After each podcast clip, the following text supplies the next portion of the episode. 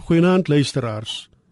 Vanaand praat ek graag met u oor bou op 'n soliede fondament in aansluiting by Matteus 7:24 tot 28.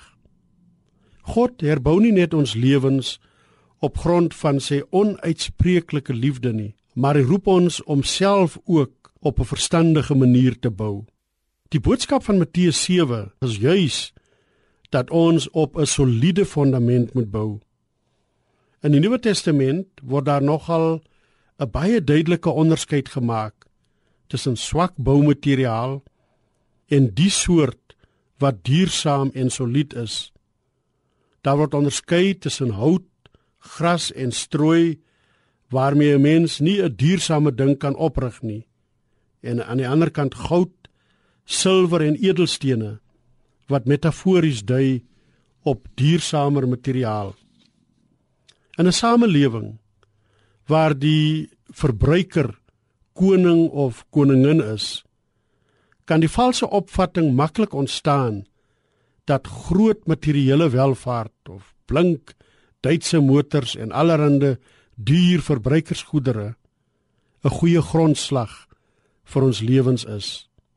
En hoe seer ons ook al dinge nodig het en hoe seer ons ook al iets van die lewe mag geniet, is dit 'n valse fondament. Om op 'n soliede fondament te bou is om op woorde te bou, maar nie bloot net woorde soos in 'n gepraatery of in 'n debat of bewyse van slim filosofie nie, maar Jesus se eie woorde, gesagvolle woorde.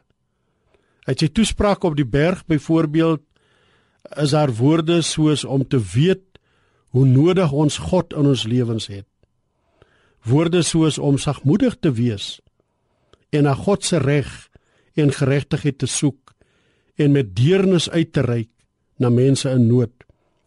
Dis woorde om soos met harte volkome op God gerig die vrede na te jag.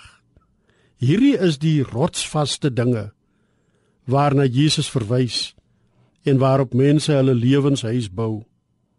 As hulle dit nie doen nie, is hulle soos dwaase wat dink die huis sal staande bly teen die stortbuie en die stormwinde. Bou op die rots Jesus, dan het u 'n uh, 'n uiters soliede fondament gevind. Here help ons om duidelik te onderskei tussen die korttermyn dinge en die dinge wat die huis lankdurig op 'n soliede fondament laat staan. Amen.